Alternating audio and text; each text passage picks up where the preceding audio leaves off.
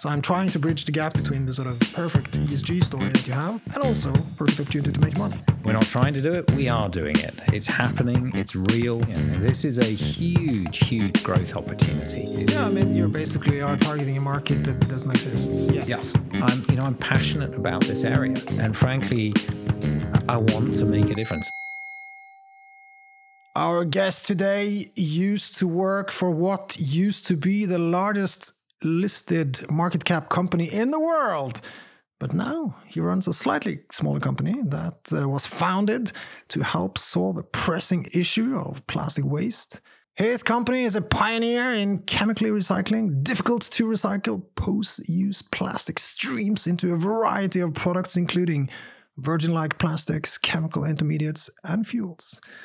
His company is listed in Oslo, Norway, has a market cap of 2.4 billion, but it was founded in Longview, Washington. First plant is in Oregon, and our guest, I believe, lives in Switzerland. So uh, let's hear all about that. Welcome to the Arctic Podcast Studio, CEO of Agilyx, Mr. Tim Stedman.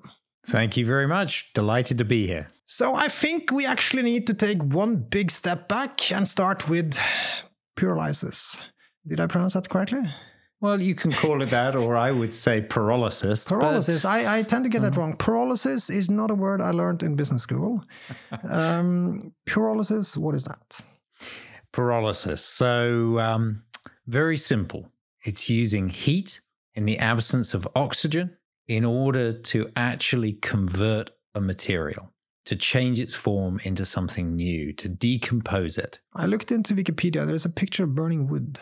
Well, if it's burning, or then, has burned, yeah. Well, if it's burning, then there's oxygen there, so that's not pyrolysis. Uh huh. Okay. So pyrolysis, and that's important because oxygen is basically incineration or burning.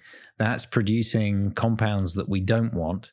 Whereas pyrolysis, so heat in the absence of oxygen, you're actually trying to get products which are beneficial, which are high value. You're turning waste plastic back into a useful product that can be used again to make virgin plastic. Yeah, okay, hang on. We are I'm going bit, ahead. Uh, ahead. Okay, so first of all, uh, Wikipedia says it's derived from Greek words pyro, which I understand means fire, and lysis, which means separating. And we're mostly focusing on the separating part. Well, so the heat, not fire, the heat is used to basically you could use separate but breaking the, the plastic down into a product that can be used as a raw material to get that same plastic back again so it's a it's a very well known system there's probably oh well well over 30 different types of pyrolysis that are done out there in various different industries but pyrolysis is now being used to treat waste plastic to being able to convert it back. Wikipedia says this is aspirational. Wikipedia says aspirational application of pyrolysis would convert waste plastics back into usable oil. Yes. Are you saying that Wikipedia is behind the curve? I'm saying that you have to be careful that the, the, what you believe with Wikipedia because we've been doing this. We actually announced that we've been pyrolyzing the verb um, waste plastic to uh, products in Washington State, sorry, in Oregon, so wrong state, um, for over 16,000 hours. So, yes, Wikipedia is wrong. Fantastic. That's a great introduction to your company. Can I start off with a little bit of a complaint? Because I was obviously struggling to pronounce uh. And then we're on uh, Agilyx, which is also kind of a difficult name. And I'm reading that you used to be called Plas2Fuel. That's much easier. Uh, well, it, it's also uh, slightly incorrect because that was when the company was using plastic waste to just produce fuel. We're not uh, doing that uh, anymore. Okay, you're more advanced. Now we're actually using it as a circular platform to take plastics back to plastic raw materials. So we're trying to go for that uh, that circular platform, the sustainable platform we're not trying to do it, we are doing it. It's happening, it's real. As I say, we've got about 16,000 hours of uh, experience doing this. And so Agilyx, as I pronounce it, and there are lots of different pronunciations out there, so I don't own it. Um, but Agilyx is a much more apt name for what we're trying to do. Agilyx, as I've learned to pronounce it, was IPO'd on the last day of September last year at 17 spot 96 per share. It's now trading at uh, 30 spot 6, so that's 70% higher. Interestingly, in the same period, the Oslo market's only up uh, 39%. Now, um, at the same time, Tim, um, you don't have a lot of revenues Mhm. at the moment. So you had first half 2021 revenues of less than a million dollars, um, and you're losing money. So, um, what is it that you think the market really likes here? Well, you have to look at where we're going. You Of know, course. this is a Market is al- Mr. Market is always forward looking. Yeah, and this is a huge, huge growth opportunity. You know, today there's about 250 million tons of waste, plastic waste produced annually. And right now, about 6% of that is recycled, almost all of that in mechanical recycling. That material that's not recycled represents our opportunity. That's the opportunity space that we are going after. And we're answering that opportunity with two key technology offerings. One is in the space of that conversion technology, t- technology, the pyrolysis. The other one is just as important. It's a technology offering that allows you to be able to actually access that white space, as I call it, material, the material we're after, the 90% uh, plastic that today can't be recycled. It's the technology that actually allows you to make that a useful feedstock. We're, we're getting into that. So before we split Uh-huh. the company in two, we can just conclude that you have $28 million of Mhm. cash on your balance sheet. And you did say in your recently uh, first half report, you did say you have cash sufficient to support business needs. And you have another slide in your latest uh, presentation saying that you have a 2025 2026 objective of achieving revenues of two to 300 million dollars, which is obviously equivalent to your current market cap. So that's huge. So um, we've established then that uh, the market is forward looking.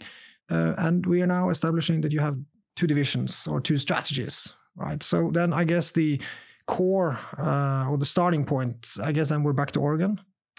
Well, yeah, the, we are. A, I mean, now we're a global company, so we have people in the U.S., in Oregon, we have people in uh, Portland, in in New Hampshire, in Houston.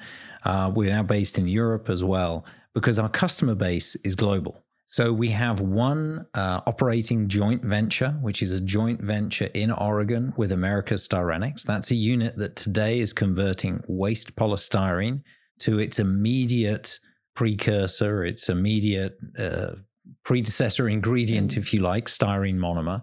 Previously, that unit was converting mixed waste plastic to a synthetic crude oil. So this unit has been very flexible. That's the one that we've got 16,000 hours of operating experience with. But we're developing projects with people around the world. We have projects in Japan, in Australia, in South America, North America, in Europe. And that's really part of our plan is to be asset light, to leverage the technology and the capability we've got to license others, to help others So you- create a circular you pathway. Own, super sorry. So you own half of this factory, Correct. but you're not going to own future factories. We no, we want to be a licensing asset light company, enabling others to do that.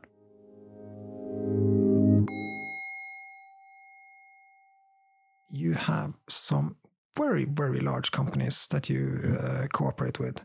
So, uh, Tim, and of course, I'm going to pronounce this wrong again because you do choose some difficult names. Uh, Cyclyx. Cyclyx. Yeah, well, it wasn't. Yeah, it was off, but it wasn't that off. Cyclyx. Um, yeah, you we need to start with, uh, I guess, Exxon. What is what is what is Yeah. Exxon? See, what is it? global giant? Used to be world's largest company by market cap. Why are they interested in Cyclyx? Yeah, yeah. Well, let me start off with the premise of people are looking for an answer to the issue of plastic waste. So the first place that they think of is we need something that can convert that plastic waste to something useful. That's pyrolysis technology or other technologies that are out there. The issue, though, is that even once you've developed that, and Exxon has their own conversion technology, the problem that they run into is how do I actually access the plastic waste that today is not being managed through any kind of recycling process, which is the vast, vast majority of it? Ninety percent. Uh, yeah, 90% plus. How do I get hold of that in the right form to be able to convert it using my Exxon's technology to a product that I want as part of my overall circular drive towards circularity? And Exxon wrestled with that problem for a number of years, looking at all the normal candidates. You know, they go to the waste management companies, they would say, well, we can do it ourselves, we know what we're doing. They concluded effectively that actually Agilyx understanding, know how, and capability in this feedstock arena in terms of enabling chemical recycling was unique. It was the only game in town. That was their words, not my words. And that was the reason why they said, we need to go into a venture with Agilyx to create Cyclyx. What Agilyx brings is the technology, the know how, the capability behind the concept of Cyclyx. What Exxon brought was um, some equity and money, cash. yeah. and some commitment to volume to actually be able to operationalize and scale the concept of Cyclyx. They originally said 300,000 tons by the middle of the decade. A couple of months ago, we upgraded our middle of the decade 2025 2026 number to between 550 and 800,000 tons. And now what we're doing is building out Cyclyx further with other partner companies, really significant companies, to grow that volume capability further. So Exxon owns 25% of Correct. Mm-hmm. but why does Exxon want you to cooperate with uh, other, well, I guess competitors of them like Chevron, Phillips, and uh, yeah, yeah, yeah, yeah. You're, you're right. Uh, Chevron Phillips, uh, LyondellBasell, companies like this are arch rivals of Exxon in the area of poly- polyethylene, polypropylene. Um, the reason why is because, uh, first of all, you know, Exxon wants the uh, to drive this recycling process, the availability of waste plastic into recycling as far as possible. And what they see is the more you can leverage greater and greater and greater volumes, the more you're able to take cost out, the more advantaged you're going to be. Now, depending on what conversion technology you use, pyrolysis or whatever else it might be, that can basically enable Cyclyx to open up more degrees of freedom, to open up more volumes and lower cost. And so Exxon's belief is that actually this can be beneficial for the overall industry but they themselves, they believe their uh, capability within this is going to allow them to remain very, very competitive and as a leading company. Of course, so does LyondellBasell, so does uh, CP Chem. And what we know is that depending on the capability of your conversion process, there is huge opportunity to access harder and harder material to recycle, which means it's cheaper, which means it's more available. Now, um, I didn't prepare this question, but I'm thinking that Exxon had some issues with uh, activist investors, and I'm sure about uh, you know CO2, and uh, I think they had to change uh, part of their board, etc. But your agreement with Exxon was before this, if I remember correctly. So, well, because you you had a JV effective January 2021, and you must have been negotiating, I guess, through 2020 then. Yeah, we were negotiating for quite a while. For quite a while, yeah. Um, so, so, so what, I, what I'm getting to yeah. is that they're looking to make money. They're not looking for greenwashing. Oh, absolutely. This is about this is about Exxon wanting to move as much of their feedstock, which today is based off material that's being drilled from underneath the ground, to what you could think of as above ground hydrocarbon, which is otherwise known as plastic waste. Plastic waste is basically an above ground hydrocarbon resource. It's there, it's available. I don't have to go drilling in the Arctic or drilling in deep water. And so it's about saying that hydrocarbon is there today. 250 million tons a year of it is being wasted every year. How do I get at that? How do I use that to produce high value, high quality, virgin quality plastic material for the right applications for society? That's their goal. That's the goal, actually, of most of these companies. That is what we are enabling with the technology that we bring on the feedstock side and on the pyrolysis side. Yeah, but I have a little bit of a suspicion that obviously maybe your company is a little bit sort of greener at heart than Exxon. And I'm not trying to offend Exxon, but I'm, you know, historically, mm-hmm. Exxon was, I would say, 100% sort of return on equity or you know cash flow focused, right? And they were famous for investing over cycles, etc. So I'm trying to bridge the gap here, I guess, between the sort of perfect ESG story that you have and also the perfect opportunity to make money, Yeah. which I sense that Exxon is maybe a little bit more or tend to be extremely focused on. Yeah, well, I think uh, I'm not going to talk for Exxon. um, let's be clear on that one. Uh, they're big enough to do that for themselves. But I think that they aren't as misaligned as they could potentially be char- characterized, and Okay. certainly not as misali- misaligned as they may have seemed in the past.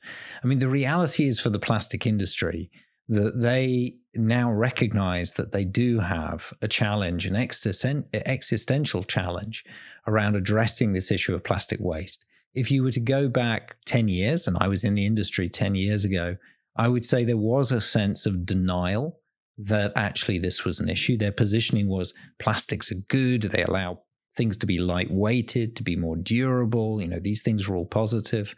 But there has been a recognition that actually um, this issue of plastic waste, this issue of you know what happens at the end of life, actually is their problem as well, and they have to be part of the solution. And I think we're seeing a really uh, significant shift in that industry to say we're going to grasp, grasp it. We are, to some extent, going to set aside some of our traditional um, kind of uh, competition with each other in as far as we're allowed to to actually support the transition to a more circular economy. And i think that's to be applauded. I mean i think that it's really good that it's happening. I think actually it's really good that there are people holding them honest and holding them accountable to not greenwash to actually do things that make a difference. Um, but i think where they're taking these steps where they're making these moves they're making these commitments then actually they should also be recognized for the fact that um, you know that is beneficial to broader society. And yes if you can do it at the lowest possible cost and drive cost out of the process which is what Cyclyx is aiming to do then not only can it be environmentally sustainable but it can be economically sustainable as well. When uh, Exxon uh, said that you delivered a lot of uh, qualities that they didn't have, was it mainly, do you think, that uh, your uh, 13 patents uh, patents that you have for advanced recycling technology was that a large part of it? Is that a large part of your secret sauce? well it's actually 16 but, Well, you need, you need to update okay. your homepage. that's an that's an evolving target, uh, evolving number. I think it's um, it- you you know they basically looked around the industry at who is able to help us understand the nature of waste as it pertains to conversion, accessing it in ways that drive cost out, that allow us to be economically sustainable. And they said, Agilyx is the only game in town. We have to invest. They're very, very unlikely, and it's very unusual for them to invest in a minority It is, investment. Uh, actually, ExxonMobil Chemical really never does it. Um, but basically, it was a case of this is our this is the only option, and so I think it's uh, that's a testament to what it was that we bought. They obviously scrutinized it to death. You know, you wouldn't expect ExxonMobil not to do enormous amounts of diligence, and they move forward. Now, what you're seeing is others, LyondellBasell, Chevron Phillips Chemicals, Amsty, Braskem, all of these companies that may not be household names, but these are huge players in the chemical industry. They're also coming in and saying, actually, this is the only way that we can think of to, or we can see to access feed in the right quantity at the right quality for the conversion processes that we're going to use. So, um, coming back to the patents, we are recording this on the 14th of September, and yesterday on the 13th of September, you sent the stock exchange uh, announcement saying one of your patents for chemical recycling of polystyrene Yeah. expanded to include all waste plastics. I guess I have two questions. A, what does that mean? And B, doesn't you know Exxon and all these other uh, Cyclyx uh, cooperation partners have similar patents? How does how does that work? No, so that patent is directly related to the pyrolysis uh, uh, conversion process. It basically means that um, we have, a, you know, that's a conversion process that we've used for mixed waste plastic. We've used it for uh, polystyrene. We've used it for polymethyl methacrylate. Uh, for those of you who aren't familiar with that, it's Which plexiglass. I guess is most of our listeners, to be honest. Yes. it's plexiglass. We're all much more familiar with plexiglass since uh, COVID. Uh, this is true, Um. And but basically what it means is that this technology, we have it patented for the conversion of any plastic material. Now, that basically means that if we're offering this conversion technology to our customers for a specific pathway that they want to do, then that technology is patented, they're protected. You need both the patented technology and the know how to actually make it work, to get it to work. That's what we offer. We bring both. It's not just one aspect of This this. is back to your 16,000 hours of uh, having tried Exactly. and tested. Exactly. And so this is both a, an offering to our customers as well as an assurance around their freedom to operate that they're not going to end up in a situation where somebody else comes along and says, well, we've patented this. No, we've had it patented, it's approved, and that's the basis of the technology offering, the licensing offering that we provide.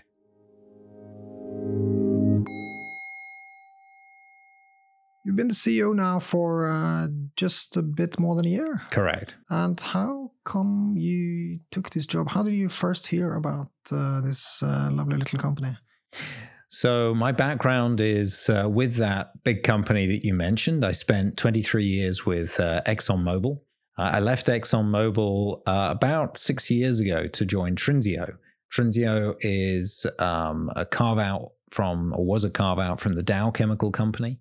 Um, I joined them to run their plastics businesses and their hydrocarbon businesses. It's also listed. It's got a market cap, I think, about two billion. So Correct. Yeah, correct. so- correct. and the turnover, I think, around three billion dollars. Yeah. So quite a bit larger company. A little bit bigger, a little bit bigger, yeah. During that time, though, that I was in both Exxon and in um, in Trinseo, I saw the evolution of this particular issue. I was I wasn't always in plastics businesses, but I had a lot to do with them, and it was always something that actually, you know, I felt like I wanted to get involved in the solution of.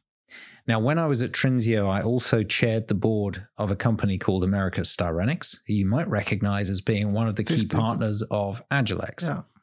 And so, whilst I was chairing that board, I first became aware of what Agilyx was doing and encouraged Amsty in their pursuit. They were real leaders in the industry at the time of embracing chemical recycling. So, that was my first introduction to Agilyx. And so, you, you know, when when Agilyx was basically wanting to move the CEO role to Europe ahead of the listing in in Oslo, I was approached by uh, number of members of the former CEO, actually, who's now the CEO of Cyclyx. So, you know, Joe is has been instrumental in driving this company. He's a guy from the waste industry originally, so he's perfectly suited for developing and standing up Cyclyx, which is really his brainchild. So he's running that, and and he approached me and Ranjit Bhatia, who's one of our major backers, to and we say, should well, maybe mention one more word about Ranjit because he is not Norwegian, but he lives here. He does indeed. Yes. Yeah, yeah, yeah. Married to a Norwegian, been living here for many years. And they approached me and said, you know, any chance that you might be interested in doing this? And I think in part to their surprise, I immediately was yes, because I'm, you know, I'm passionate about this area. And frankly, I- want to make a difference. And I believe that Agilyx has a unique offering uh, in fact, I know it's a unique offering. We're the only ones with this combination of feed and conversion technology. And I really believe there's a huge opportunity to drive, and, and not a greenwashing or a veneer of this issue, but actually address the core of the problem and come up with a solution to actually drive this forward. Won't be the only solution. I'm not yeah, I was naive gonna, I was, enough. I was, I was going to ask you about that because there are Yeah. other companies out Yeah. there, and and also we should mention that, and uh, because you said before that even some of your partners in uh, Cyclyx have competing or Yeah. or alternative uh, technologies. Yeah. So so if you elaborate a little bit on that, that you have you think the best solution or Mhm. one part of the Well, first of all, let's scale it. So the the the opportunity out there at the moment, 250 million tons of waste, 90% of it effectively leaked, not managed. That available material, which is what we're focused on, is equivalent to 6,000 of our 100 ton per day units. 6,000. Each one of those would give a $40 million revenue in our asset light model purely on the conversion piece to Agilyx. This is a sort of mind blowing uh, kind of size. Yeah, I mean, you're basically are targeting a market that doesn't exist yet. Yeah. But Yeah. everyone seems to agree. And there's regulations, of course, which you haven't touched upon. That's, that's uh, I guess, Yeah. plastic recycling is becoming, I guess, more and more mandatory. Yeah. Uh, Yeah. we have all this situation. There used to be a lot of European Union countries just dumping it in, in I think, uh, Morocco, and that- Yeah. that's been Yeah, yeah. illegal. And Mhm. so, so there, there's, so there's a lot of positive things. But then your solution is the best solution in the world, or is it part of a development into So so let's th- look at it again. There's there's this you know 200 million ton plus.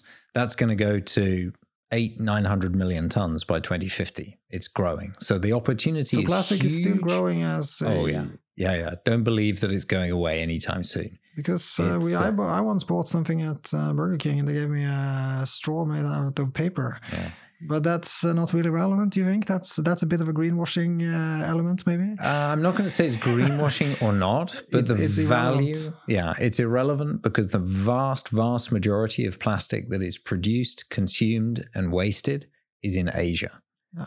And and there, the development of the middle classes, the development of those economies is going to consume and develop huge amounts of plastic. And by the way, that's the area where the most pressing need is to address the waste issue. So the market, when you say it's not available, what's available is feedstock in the form of waste plastic. And there is a clear demand in terms of chemical products for those valuable items that range from you know the interior of electric vehicles to iPhones to packaging to keep food fresh and avoid wastage all kinds of things like that. That's the demand. So that demand is there. What's missing is the ability to join the dots between the waste to make it feedstock to turn it into a useful product. What you need to do that is two things. The first one is you need something that can convert that waste. The second thing is you need that feedstock technology. Right now we're the only company in Cyclyx out there addressing that feedstock space with technology, with capability based on knowledge. So that's unique. The conversion piece, there are other players out there. And the good news is, and this is what you're seeing with the Cyclyx announcement, is Cyclyx can help them, can support them, optimize their process. So if they want to use that for whatever reason, we can help them with that piece. If they choose to use our technology, though, what they're going to find is a technology, a conversion technology that is super robust. It's really designed for the nature of that, that waste plastic that's kind of leaked at the moment, that can deal with all kinds of contamination and which can therefore, in the feedstock piece, open up the maximum number of degrees of freedom to access material at the lowest possible cost. But in the meantime, if, like Exxon, they've got their own conversion capability, that's great Yeah. we'll supply them feedstock through Cyclyx, and we earn a royalty on every single ton that goes through that. It sounds very good. I'm very impressed. And I think I have to say that on behalf of uh, the people active on the uh, Oslo stock exchanges, we including the Euronext Growth, I think we're very lucky to have uh, an international company and international capability like uh, Agilyx and the CEO, Tim Stedman, uh, listed in our universe. So, um, with that, and of course, uh, present uh, physically in the Arctic podcast studio. So, I think we're very grateful for that. And uh, we, of course, wish you best of luck and uh, hope to see you much, much bigger in a couple of years. Excellent. I really appreciate the time, and it's been great uh, chatting about this, what I think is just an incredible opportunity of Agilyx and Cyclyx. So thank you very much. Thank you. This podcast has been prepared by Arctic for information purposes only. The information, opinions, and recommendations presented in this podcast are for general information only, and any reliance on the information provided in this podcast is done at your own risk. This podcast should not be considered professional advice. The information provided in this podcast is not intended to constitute investment advice, nor is the information intended as an offer or solicitation for the purchase or sale of any financial instrument. Relevant and specific professional advice should always be obtained before making any investment or credit decision. It is important to note that past performance is not indicative of future results. This podcast does not fulfill the criteria for preparing investment research and must be seen as marketing material. All information submitted during this podcast is obtained from public sources that Arctic believes to be reliable, but which Arctic has not independently verified. Arctic makes no guarantee, representation, or warranty as to its accuracy or completeness. No liability whatsoever is accepted for any direct or indirect, including consequential loss or expense arising from the use of information from this podcast.